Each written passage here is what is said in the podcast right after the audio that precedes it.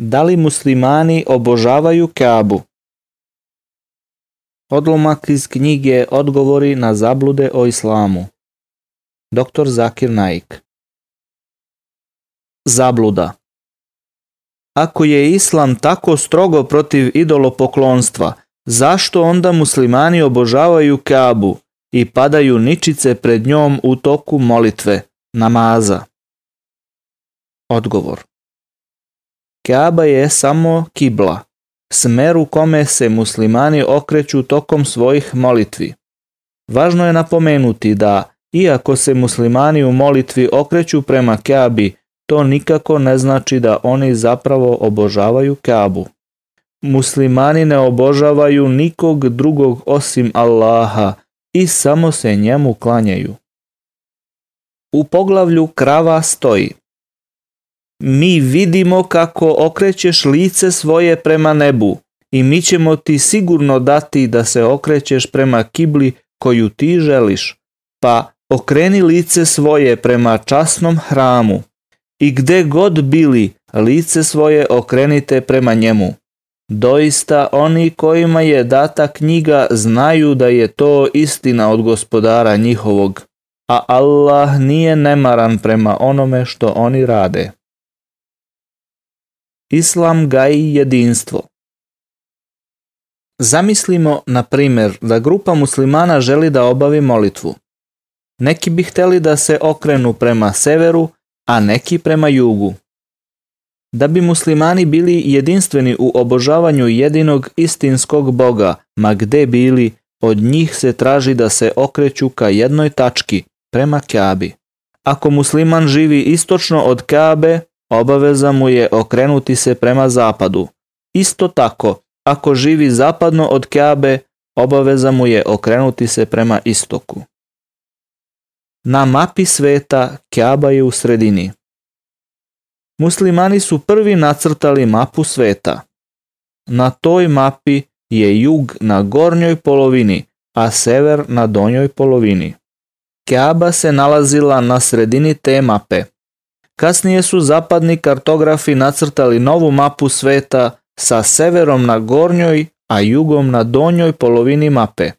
Ipak, hvala Allahu, Kjaba je i dalje u centru mape sveta. Tavaf, kruženje oko Kjabe, potvrda je Božije jednoće. Kada muslimani uđu u Meždidul Haram, u Meki oni obavljaju tavaf, to jest kruženje oko Kjabe. Ovaj obred simboliše jednoću uzvišenog stvoritelja. Isto kao što svaki krug ima samo jedan centar, tako i tavaf simboliše da nema onog koji zaslužuje obožavanje osim Allaha. Omerovo predanje U vezi crnog kamena, Hadžerul Esveda, postoji predanje od Omera, istaknutog druga Božijeg poslanika. Buharija beleži predanje u drugom tomu, knjiga o Hadžu, hodočašću, poglavlje broj 56, hadis broj 675, da je Omer kazao obraćajući se crnom kamenu. Ja znam da si ti samo običan kamen.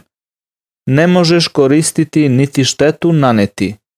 Da nisam video Božijeg poslanika da te dodiruje, ni ja te ne bih nikada dodirnuo, niti poljubio neki muslimani su se peli na kjabu i učili ezan. Još za vreme Božijeg poslanika neki ljudi su se peli na kjabu i učili ezan, poziv za molitvu.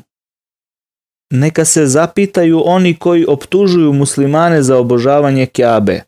Koji to idolopoklonik stoji na idolu kojeg obožava? Možda je dovoljan govor poslanika Muhammeda – govor koji beleži Ibn Mađe, a prenosi Amr ibn el As.